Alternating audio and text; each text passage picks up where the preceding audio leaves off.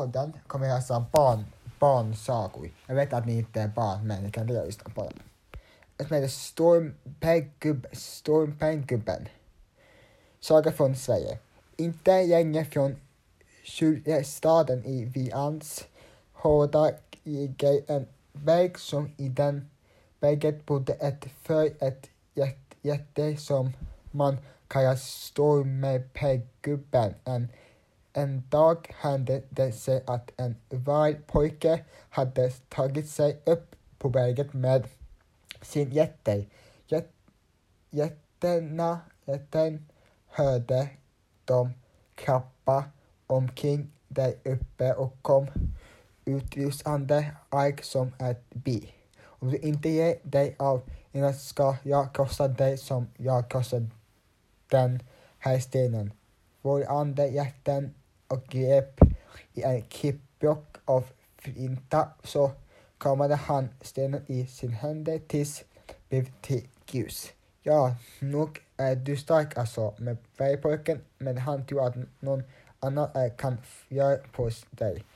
Om du nu vill så, så tog han en skarvassad pil med huliga spät dig den för sin båge och sköt den rätt i magen på jätten. Aj, vad är det, vad är det för något? undrade jätten. Sökte dra ut fienden. Det var en kajstor, svarade pojken. Vad är, har du fjädrar? frågade jätten. För att det ska flyga bättre, sa pojken. Och varför sitter det fast? frågade jätten igen. För att du tagit gjort i din kropp svarar pojken. Har du nog flera sådana så skoord? Efter. Hur många ska jag helst ha? Här har du ett till, svarade pojken. Söt en ny p på jätten. Arga skrek står en med gruppen. Är du inte arg än vad du kan börja slåss på allvar? Nej, du har inte fått något men. Skräcksord än så pojken. Och jadde, jadde en ny pip på magsträngen.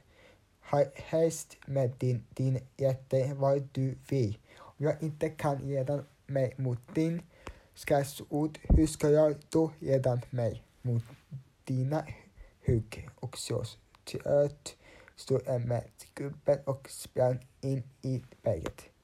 På det visste vem varje pojke tränade för han visste hur man kunde jäsa en björk med gist istället för med närvarande. Nu läser vi nästa. Som är Snövit när eh, Vem var starkast? Ta en minut. Nej, ta en minut.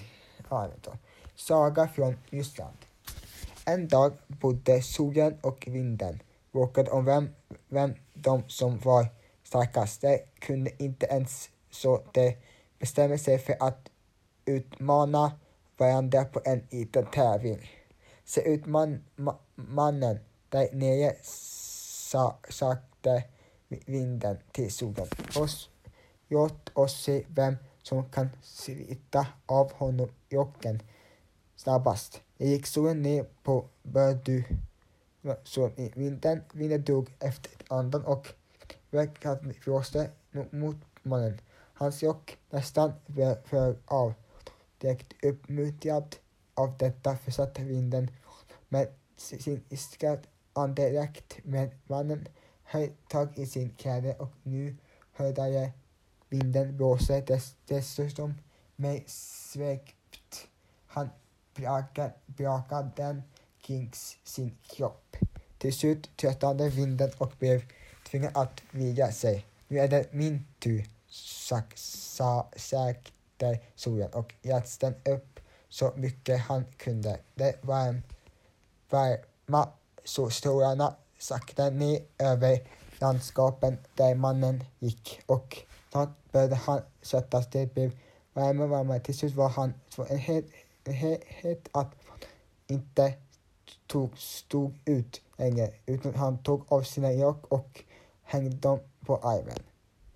Därmed, damen hade dessutom visat att han var starkast, men kanske inte på sättet som vinden räknade med.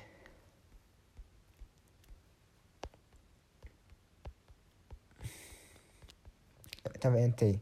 Arbets, arbetsbyte. Det var en gång, en, länge, länge sedan, en gubbe som, gubbe som bodde i en liten gödstuga med torvtak. En dag sa gubben till gumme, gubben. Du måste ut i skogen och samla ved, för snart har jag ingen med. Kvar är inte längre något mat på spisen. Och det försiktigt oroade sig gubben varenda dag. En, en vecka nästan slut sa att jag måste gå ut i skogen och slita och släpa ut. Nu har det gett du som bara behöver stå vid spisen och göra inget utan hela dagen. Kör gub gubbe, sa gumman.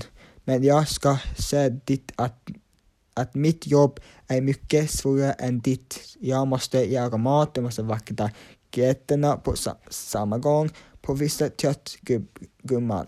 Och gubben varandra dag, dag i månaden, veckor, men det är en dag som gumman idag går jag ut i skogen och samlar ved, sa Får du jaga mat och verk? Ja, ja, ja det blir bra, sa gubben. Det ska snart vara gjort. Jag grejade mig i gräset och vilade tills gumman kom hem.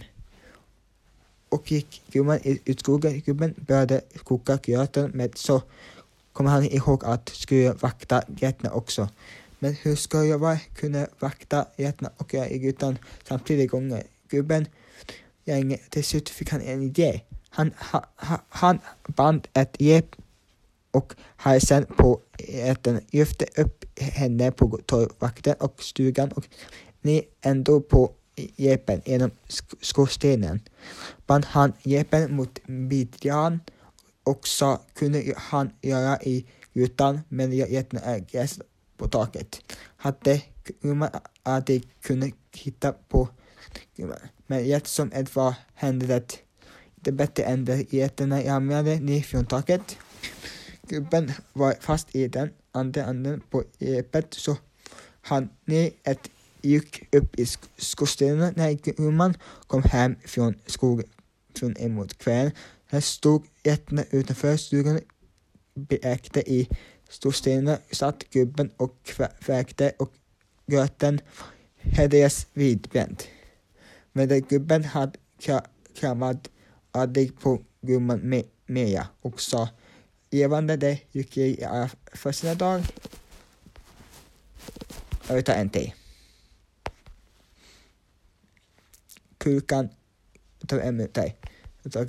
Eh, tar vi, ja, tar vi. Tre bockar bussar. Saker från Norge. Det var en gång tre bockar som skulle gå till ängen och äta sig fett. Allt tre hette Bocke på väg var det en bro över Forns måste över och kunde de, de bron bodde en otäck tjoj med som inte dricka och nästan gänger som en ger fast kraft. Första kom den yngsta boken busa och skulle över bron.